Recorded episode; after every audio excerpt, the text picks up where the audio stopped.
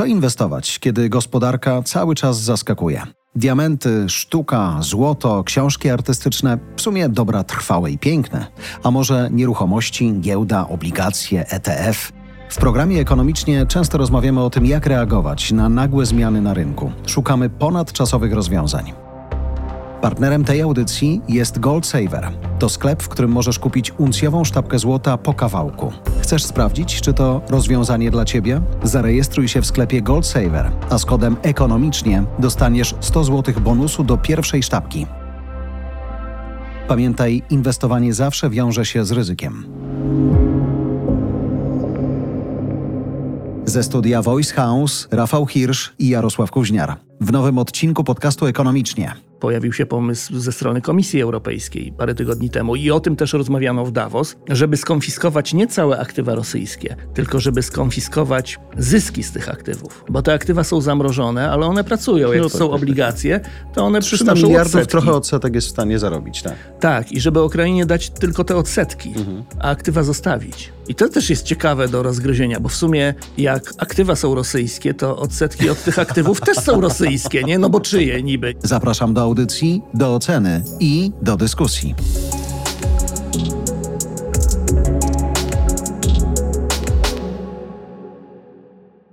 Byłeś w Davos? Kiedyś byłem. To jest naprawdę wciąż takie miejsce, do którego wszyscy, nie tylko narciarze, którzy marzą o Szwajcarii, chcą pojechać, żeby się dowiedzieć, co czeka świat w najbliższych latach? Ja nie wiem, bo dawno tam nie byłem. Przez wiele lat byłem bardzo sceptyczny, jeśli mm. chodzi o to zimowe forum w Davos i wydawało mi się, że to jest przerost formy nad treścią. Mm. Natomiast to było w takich czasach, w których pewnie się mniej działo w globalnej gospodarce. Ostatnio dzieje się więcej i rzeczywiście mam takie wrażenie, że na przykład w tym roku padło mm. tam trochę więcej niż zwykle konkretów. ciekawych mhm. konkretów i sformułowań. I tak? o niektórych chcielibyśmy porozmawiać, bo Davos było miejscem, do którego przyleciał między innymi Zełęński. W Davos mówiło się o dużej gotówce, która powinna popłynąć na Ukrainę, albo są tacy, którzy chcieliby, żeby popłynęła, ale jest coraz więcej przeszkód na drodze tej gotówki na Ukrainę. Pojawił tak. się ostatnio w Kijowie premier Donald Tusk, o szczegółach pewnie jeszcze chwilę nie będziemy wiedzieli. Natomiast jak popatrzymy sobie na Amerykę, nie udaje się. Jak popatrzymy sobie na Europę, nie udaje się. No tak, Wszędzie tak, tutaj, jest jakiś Orban są, albo ludzie Trumpa. Tak, są blokady polityczne, tak, w Unii Europejskiej Węgry. Tam w Izbie Reprezentantów nie ma większości za tym, żeby uchwalić tą mm. pomoc. Znaczy de facto republikanie mówią, że oni się na to zgodzą, ale chcą w zamian mieć deal z demokratami, żeby znowu przystąpić do budowania muru na granicy mm. z mhm. Meksykiem, z tego co się orientuje. To chyba o to chodzi, więc oni tam są pochłonięci swoimi wewnętrznymi sprawami, też nic z tego nie wychodzi i za chwilę skończą się pieniądze Ukrainie, a jak się skończą jej pieniądze, to rośnie oczywiście znacząco prawdopodobieństwo, że przegra wojnę, więc nikt nie chce do tego dopuścić z jednej strony, a z drugiej strony nadal nie ma pieniędzy. I w formacie ekonomicznym chcielibyśmy właśnie na tych pieniądzach się skupić, bo jest dzisiaj jeszcze sporo aktywów rosyjskich, które są, jak to się ładnie mówi, zamrożone. Tak. Davos było idealnym miejscem do tego, żeby pogadać, a może byśmy nie odmrażali, ale zabrali te pieniądze i przesunęli na Ukrainę. Czy to jest proste? To nie jest proste, chociaż to jest chwytliwe oczywiście i wydaje się bardzo bardzo kuszące rzeczywiście, bo są pieniądze. Znaczy przede wszystkim jesteśmy umocowani moralnie tutaj, mm. prawda? I wydaje nam się, że to jest sprawiedliwe, ponieważ to Rosja jest agresorem, Rosja napadła na Ukrainę, więc zabierzmy Rosji te pieniądze i dajmy Ukrainie i od tej strony takiego naszego mm. poczucia sprawiedliwości to wydaje się bardzo słuszny krok, bardzo fajny, tak? I ja na przykład osobiście Cieszyłbym się, gdyby tak się stało. Natomiast z drugiej strony, w związku z tym, że mówimy o ogromnych pieniądzach, które są ulokowane na rynkach finansowych, mhm. to jest absolutnie niesamowicie ryzykowne dokonać. Bo mówimy kroku. o 300 miliardach dolarów. To są pieniądze rosyjskie, które są zamrożone na Zachodzie w tej mhm. chwili i co ważne, te pieniądze to jest część rosyjskich rezerw walutowych. Okay. To jest własność rosyjskiego banku centralnego. Banki centralne są jednymi z najważniejszych, potężnych mm -hmm. graczy na rynku finansowym na całym świecie i zwykle jest tak, że im się nie robi krzywdy. Właśnie, bo zanim skoczymy głębiej sobie w tą no. wodę pełną pieniędzy, wyobraźmy sobie sytuację, że to nie są aktywa rosyjskie, tylko są to aktywa polskiego banku centralnego, ulokowane na zachodzie. Czyli kupiliśmy sobie na przykład... Ameryka... Tylko widzisz, tutaj od razu no. trudno to sobie wyobrazić, bo my z kolei na nikogo nie napadliśmy. Nie? Je, jeszcze nie. nie, ale musimy teraz zagrać adwokata diabła, bo no chciałbym, żebyśmy zrozumieli tą sytuację. Czyli jako normalnie prosperujący kraj lokuje swoje aktywa za granicą. I nagle na kogoś Te aktywa napada. walutowe, tak. Dokładnie tak. tak. Ich nie da się ulokować w kraju, bo są walutowe, Jasne. więc siłą rzeczy one muszą być za granicą. Odbija mi coś, wywołuje wojnę i teraz ty masz te moje pieniądze i mówisz, stary, wywołałeś wojnę, więc ja ci nie dam tych pieniędzy. Tak a ty mówisz to bezprawne. I możemy się kłócić oczywiście, ale ty masz tę kasę, nie możesz no mi to jest de facto kontraktowe sprawne, natomiast zabierasz tą kasę na mocy swojego aktu politycznego, jak mm. gdyby. I w tym momencie z tych pieniędzy, z rezerw walutowych banków centralnych robisz broń mm na wojnie, tak naprawdę. I to jest bardzo poważna i bardzo skuteczna broń, jeśli mówimy o bardzo no tak. dużych pieniądzach, tak? Tyle, że jeśli robisz z tego broń, nawet w słusznej sprawie, no to to jest tak, że na świecie jest, znaczy nie tylko Rosja jest zła na świecie, mm tak? Takich państw jest więcej które nie są demokratyczne, w których nie przestrzega się praw człowieka, które są często totalitarne i te państwa też mają swoje rezerwy walutowe i też często mają bardzo dużo pieniędzy i trzymają te pieniądze na zachodzie najczęściej, no bo gdzie je trzymać? Mhm. No, tam się je no tak. trzyma i tam, gdzie są największe centra finansowe na świecie. Londyn, Unia Europejska, Nowy Jork. I jeśli my teraz skonfiskujemy pieniądze rosyjskie, bo zamrożenie to jest, mhm. to no jest tak, zupełnie tak, tak. inny... To jest tylko pauza. Tak. To jeszcze nie jest cancel. Natomiast jak je skonfiskujemy, to ci wszyscy dyktatorzy na całym świecie, Chiny i tak dalej, widzą, znaczy patrzą na to i to widzą. I jaka jest pierwsza ich myśl? Znaczy, nie wiem, prezydent Chin sobie myśli, jak napadnę na Tajwan, to moje aktywa też zostaną skonfiskowane na przykład. Mogą prawda? być. Mogą być. Mhm. Istnieje ryzyko. Do tej pory to było no, nie no, do no, no, pomyślenia, no, a w tym momencie trzeba to uwzględniać we wszystkich mhm. scenariuszach, tych wszystkich grach wojennych i tak dalej, tak? Strategicznych. Więc pojawia się ryzyko, no a generalnie zarządzanie rezerwami walutowymi w każdym kraju polega na tym, żeby jednak w maksymalnie bezpieczny sposób to robić i żeby tego ryzyka unikać. Więc jeśli tutaj pojawia się nowe ryzyko, to od niego uciekasz. Czyli zabierasz te pieniądze stamtąd, gdzie to ryzyko się pojawia. Więc jeśli Unia Europejska skonfiskuje rosyjskie pieniądze, to powstaje ryzyko, mm. że bardzo wiele innych pieniędzy z Unii Europejskiej ucieknie po prostu. Albo może uciec, nie? Albo, Albo tak jak mówisz, powstaje ryzyko. Tak. Natomiast myślę sobie też o tym, że dzisiaj, jak popatrzymy sobie na te powiązania światowe, to ile się mówiło o tym, że tak naprawdę Chińczycy mają Amerykanów w kieszeni. Jak Amerykanie potrzebowali pieniędzy mhm. i się zadłużali, no to był moment, nie wiem czy wciąż tak to wygląda, jeśli chodzi o proporcje, ale że najwięcej amerykańskich obligacji mają właśnie Chińczycy, nie? To, tak, to... tak, to prawda i dalej tak jest, znaczy chyba więcej nawet Japończycy, ale mhm. rzeczywiście Chiny są w czołówce, natomiast te wszystkie opowieści o tym, że Chiny mają Stany Zjednoczone w garści i zrobią im krzywdę za chwilę, mm. wycofując się stamtąd i sprzedając te wszystkie obligacje. Moim zdaniem to były teorie błędne, ponieważ one wychodziły z założenia, że generalnie Chiny są agresywne wobec Stanów Zjednoczonych i chcą im zrobić krzywdę. Tymczasem to chyba nie jest taka sytuacja. Myślę, że to nie jest cel chińskiej mm, polityki robić mm. krzywdę Stanom Zjednoczonym. Myślę, że bardziej im zależy na tym, żeby podzielić się jakoś światem i w tej części, nad którą ma się kontrolę, mieć święty spokój i mieć gwarancję, że tam Amerykanie nie będą się mieszać. I o to chyba chodzi. Chiny chyba zdają sobie sprawę z tego, że gdyby poszły na takie czołowe starcie ze Stanami Zjednoczonymi, to dzisiaj jeszcze by tego starcia nie wygrały, a przynajmniej byłoby to spore ryzyko. Choć nie? w ogóle też mamy wolne ręce, ale jednocześnie mam poczucie, że związane w takiej próbie zrozumienia i poukładania sobie tego świata, bo mówimy o Ameryce, w której dzisiaj jeszcze rządzi Biden. Czy rządzą demokraci, może mhm. tak, ale za chwilę w tej Ameryce może się okazać, że przychodzi do władzy, czy wraca do władzy Trump, jeżeli ta droga nie zostanie sądownie zablokowana i jest jedynym kandydatem teraz i właściwie ma całkiem duże szanse na to, że być może wróci do Białego Domu niezależnie od wszystkiego. Więc jego podejście do Chin, jego podejście do Indii, jego podejście do Rosji, także to było zupełnie inne podejście niż to, które jest teraz.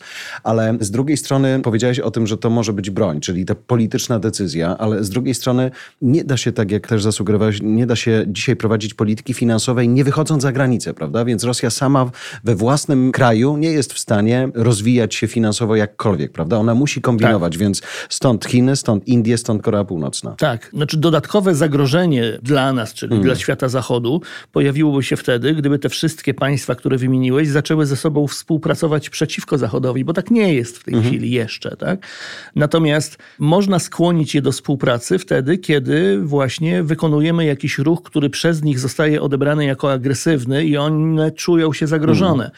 I ta konfiskata aktywów finansowych jest właśnie takim ruchem. Chiny nie mają powodu do tego, żeby wycofywać swoje aktywa ze Stanów Zjednoczonych, sprzedawać amerykańskie obligacje, bo tak właściwie po co im to? Mhm. Po co otwieranie nowego frontu? Są zajęci innymi sprawami.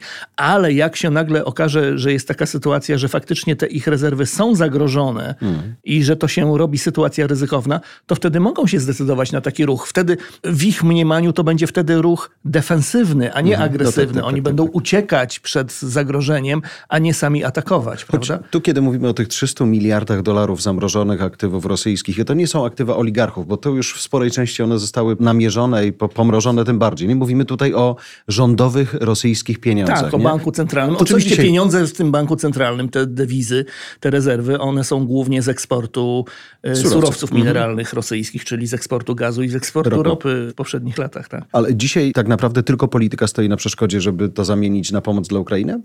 Czyli na razie zamroziliśmy, a teraz już no do tak, was no, to nie to wraca. Opiera się, bo to wszystko opiera się na decyzji politycznej. Oczywiście można argumentować i Rosja na pewno będzie to robić, że to jest nielegalne, bo to pewnie jest nielegalne, tylko kto się przejmuje tym, czy coś jest legalne, czy nie wobec kiedy, Rosji. Kiedy tak? jest wojna. Mhm. Więc to jest jakby drugoplanowe. I oczywiście, że Rosja pójdzie do sądu i będą procesy i pewnie nawet wygra te procesy po iluś tam latach. I z pewnością będą kroki odwetowe ze strony Rosji. Ona zresztą już to zapowiedziała, że jeśli my skonfiskujemy te miliardy, miliardy ich na Zachodzie, to oni skonfiskują nasze miliardy u siebie, bo też są zamrożone w Rosji z kolei aktywa finansowe z zachodnich firm, które stamtąd już wprawdzie operacyjnie się wycofały, ale nie są w stanie zabrać stamtąd swoich pieniędzy, bo one są zablokowane też na rachunkach bankowych celowo są mm. zablokowane, bo to też był taki krok odwetowy, jak myśmy zamrozili, myśmy, mówię Zachód, tak? Jak Zachód zamroził aktywa rosyjskie, to Rosja zamroziła część aktywów finansowych zachodnich spółek u siebie. I też trzyma to zamrożone, nie konfiskuje. Więc z kolei, jeśli my skonfiskujemy, to oni skonfiskują, Jasne. więc to tam wyjdzie pewnie na remis. Ale to jesteśmy w stanie przełknąć. To są takie straty, które Zachód jest w stanie ponieść. Główne ryzyko polega na tym, że tak naprawdę pojawi się zagrożenie rozwalenia fundamentu hmm. całego świata finansowego opartego na, na rynkach zachodnich. bo, dolarze, ten, bo tak? tym fundamentem jest zaufanie do amerykańskiego dolara i zaufanie do amerykańskiego długu, czyli amerykańskie obligacje, dług emitowany przez rząd Stanów Zjednoczonych jest postrzegany jako absolutnie najbezpieczniejszy instrument finansowy mhm. na świecie. Jeśli chcesz uciec maksymalnie od ryzyka na tym świecie, to kupujesz amerykańskie obligacje. Bo trudno sobie wyobrazić, żeby rząd amerykański nie zapłacił ci za te mhm. obligacje. I oczywiście tutaj nie mamy do czynienia z sytuacją, w której amerykański rząd wypiera się i nie płaci, ale jednak pojawia się zagrożenie konfiskaty mm. tych obligacji, bo część tych rezerw rosyjskich jest w amerykańskich obligacjach. No może I powód nie, nie ma znaczenia. Mamy sytuację, w no której no tak. poważny bank centralny dużego państwa, w czasach, w których nie było jeszcze żadnej wojny i to państwo było traktowane normalnie na świecie, zainwestował swoje rezerwy w amerykańskie obligacje i teraz się okazuje, że te pieniądze zniknęły. Mm. I oczywiście Dzisiaj możemy argumentować, dlaczego tak zrobiliśmy, bo jest wojna, ale za 10, za 15 lat ludzie będą pokazywać, że to był precedens, pierwszy przypadek i już nikt nie będzie wnikał, mm. dlaczego tak się stało. I to może otworzyć puszkę Pandory na rynkach finansowych. I dlatego też ostrzega przed tym Europejski Bank Centralny i Fed też sceptycznie do tego podchodzi i wskazuje, że to jest jednak duże ryzyko. Mm. Choć aż się prosi, żeby te pieniądze przekierować zupełnie gdzie indziej. Ale dzisiaj na miejscu Putina, jeżeli on tutaj ma zamrożone 300 miliardów, no ale zakładamy, że produkuje jakąś gotówkę, to gdzie on może ją dzisiaj lokować tak naprawdę? Jak nie do Stanów i nie na Zachód, to może sobie kupić, nie wiem, obligacje indyjskie, obligacje chińskie? Teoretycznie może, tak. Chociaż wydaje mi się, że on nigdzie nie lokuje. Gdzie on może uciekać I cała kasa I cała I kasa cała, w Rosji cała leci, na wojnę. Tak, leci na wojnę w tej chwili, mm. tak. Więc chyba oni nie mają tego problemu na zasadzie, gdzie by tutaj ulokować. Bo, bo pytam o to w takim kontekście, jak nie tam, to mm. gdzie? Że tak naprawdę w sumie powiedziałeś, Ameryka, obligacje amerykańskie najbezpieczniejsza przystań, ale w sumie jeśli tutaj nam zaczyna się to, może nie tyle trząść, ale zaczynamy o tym dyskutować właśnie w takim kontekście, w sumie, jak to ładnie napisałeś, szykując się na spotkanie, wszyscy Putinowie świata, gdzie oni mieliby uciekać, jak nie, albo gdzie mieliby inwestować, mhm. albo gdzie mieliby lokować, za przeproszeniem, swoją gotówkę, jak nie w USA? W USA albo w Unii Europejskiej, mm. nie? Albo w Wielkiej Brytanii, która już jest poza no Unią, tak. w Szwajcarii ewentualnie. Wiesz, i to jest taki argument, chyba najmocniejszy argument za tym, że być może jednak nic się nie stanie, mm. bo Rosja Rosją, okej, okay, te pieniądze Rosji pewnie przepadną, natomiast mówimy o tym zagrożeniu związanym z tym, że inni mogą się wystraszyć i zabrać swoje cały czas legalne pieniądze, które nie są zamrożone, więc mogą je zabrać.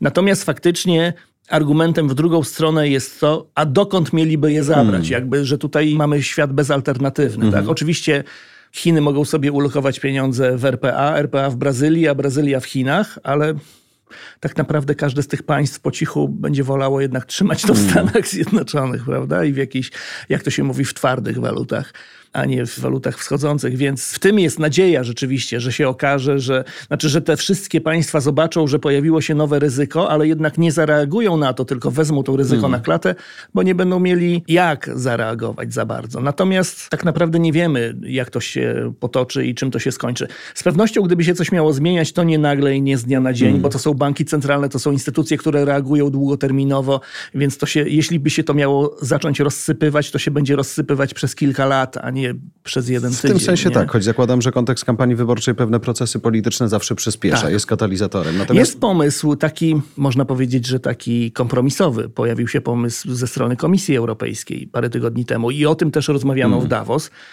żeby skonfiskować nie całe aktywa rosyjskie, tylko żeby skonfiskować zyski z tych aktywów, bo te aktywa są zamrożone, ale one pracują. Jak no tak, są tak, obligacje, tak. to one 300 przynoszą miliardów odsetki. trochę odsetek jest w stanie zarobić, tak. Tak, i żeby Ukrainie dać tylko te odsetki, mhm. a aktywa zostawić. I to też jest ciekawe do rozgryzienia, bo w sumie jak aktywa są rosyjskie, to odsetki od tych aktywów też są rosyjskie, nie? No bo czyje niby, nie? Jakby, ale z drugiej strony to jednak nie to samo, nie? Inaczej brzmi. Więc to nie jest konfiskata aktywów, tylko tych przychodów. Łatwiej wytłumaczalne. Swoją drogą te zyski z tych aktywów są też opodatkowane i już to zapowiedziano, że pieniądze z tych podatków pójdą. I to tutaj w ogóle nie ma żadnego problemu, bo podatek już jest własnością państwa, w którym te aktywa leżą. W Belgii w tym hmm. przypadku konkretnie. Natomiast z tymi odsetkami jest ciekawie. Ale Wiesz, zobacz, jest, teraz jest... myślę sobie o Belgach, zobacz, czyli bierzesz te pieniądze z tego podatku, ale właściwie to są rosyjskie pieniądze, nie? Więc no jak je zarobiłeś na Rosjanach. to ta część, no, no, no zarobiłeś na Rosjanach, też tak, wstyd. oczywiście. Oddajmy je gdzieś, więc pokój pokusa jest duża. Ale zobacz, wspomniałeś o tym, że dzisiaj republikanie próbują się z demokratami targować przy okazji właśnie, dobra, możemy odmrozić, ale wy nam dajcie mur na granicy z Meksykiem.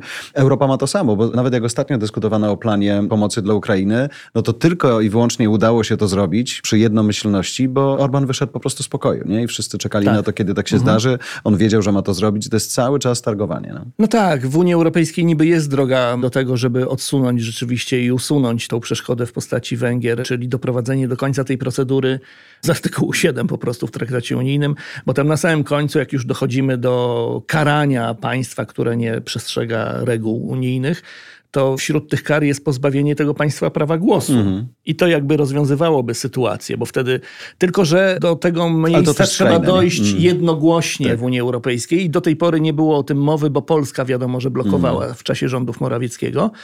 Zmienił się rząd w Polsce, więc niby jest szansa mm. teraz na to, tylko że zmienił się ten rząd w Słowacji na nowy rząd Fico, czyli też taki autorytarny i Węgrzy liczą na to, że do tej pory Polacy ich wspierali, że teraz być może Słowacy będą ich mm. wspierać. Natomiast trzeba by spróbować i zobaczyć, czy faktycznie, mm. wiesz, no, można jakoś handlować różnymi przysługami w ramach Unii Europejskiej.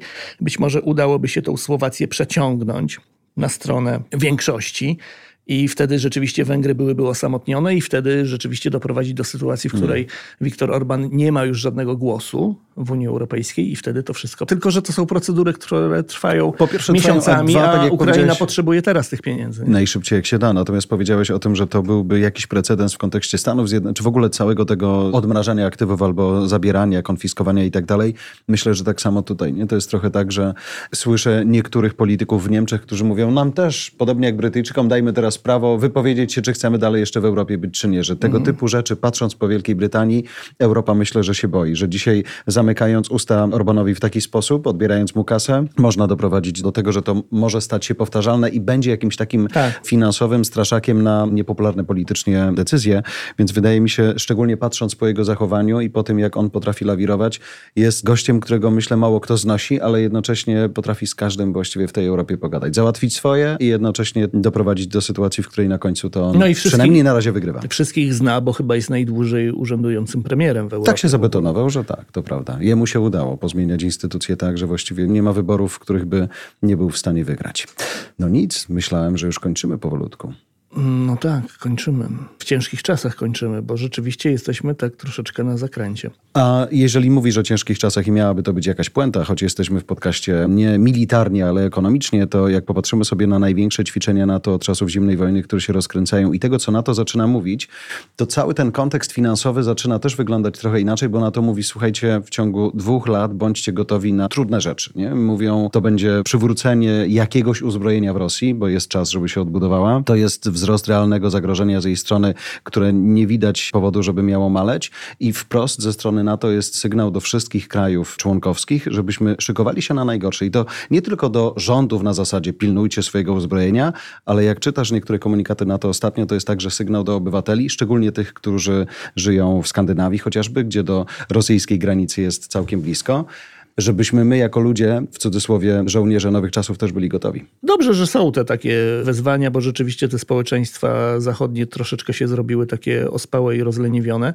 więc jak będą troszeczkę bardziej czujne, to ok. Natomiast ja bym tego nie traktował jako takiej twardej prognozy, że faktycznie dojdzie mhm. do jakichś tam... Są inne analizy militarne mówiące o tym, że Rosja nie będzie absolutnie... Po pierwsze nie będzie zdolna po, jeszcze przez jakiś mhm. czas po wojnie z Ukrainą, a po drugie wcale nie jest do końca przekonana, że będzie chciała atakować NATO, bo tak właściwie co miałaby przez to osiągnąć? To byłby, znaczy chyba, że zakładamy, że Władimir Putin jest kompletnym szaleńcem mm -hmm. i nie rozumuje racjonalnie. Potrzebujesz dowodów jeszcze? Wiesz co, ja czytałem analizy tych jego zachowań, które wskazują, mm. że właśnie, że nie, że on nie jest szaleńcem, że to, co on robi jest... Cyniczne, brutalne i krwawe, ale po coś? Że on to wszystko robi w interesie swojego mm. państwa, tylko że on ten interes w taki sposób postrzega, no, ale to nie jest pozbawione logiki. Znaczy te kolejne kroki są jakby wynikają... Oczywiście on napadając na Ukrainę Ukraina się straszliwie przeliczył i popełnił błąd, bo zakładał, że to wszystko potrwa bardzo krótko i pójdzie gładko i tutaj się... Mm. Wiesz, ktoś może analizować sytuację racjonalnie i logiczne, a mimo to popełniać błędy. Jasne. I Putin tutaj ewidentnie popełnił błąd. Natomiast to nie znaczy, że jest szaleńcem, który kompletnie mm. Odleciał, więc to nie jest przesądzone, że on za chwilę zaatakuje NATO, bo w sumie nie wiem, po co miałby to robić. Tak Choć na to mówi, bądźmy ostrożni. Ale oczywiście warto być ostrożnym i tak, tak. Tylko właśnie w tym zupełnie nowym znaczeniu mam takie poczucie, nie? że to już nie chodzi tylko o sprzęt, ale także wy ludzie mm -hmm. pamiętajcie, że tak. mobilizacja powszechna wcale nie musi być taka prehistoryczna, więc bądźcie w tym kontekście Tak, poza gotowi. tym Putin lubi stosować taką taktykę, żeby wprowadzać chaos mm. tutaj w naszych szeregach, więc on nie musi się decydować na jakąś otwartą agresję, ale wiesz, jakaś rakieta gdzieś przypadkiem może spaść, może, organizować, może organizować jakieś takie właśnie sytuacje, które są nie do końca jasne. Albo gmerać w wyborach zamierza... amerykańskich. No kiedyś, właśnie, nie? prawda? Tego typu historie. I tego może być coraz więcej. Bardzo dziękuję za teraz. Dziękuję. Dziękujemy za Twoją uwagę. Kierownictwo produkcji Olga Michałowska. Realizacja i dystrybucja Kasia Harbar. Dźwięk Kamil Sołdacki. Redaktor naczelny Voice House Jarosław Kuźniar.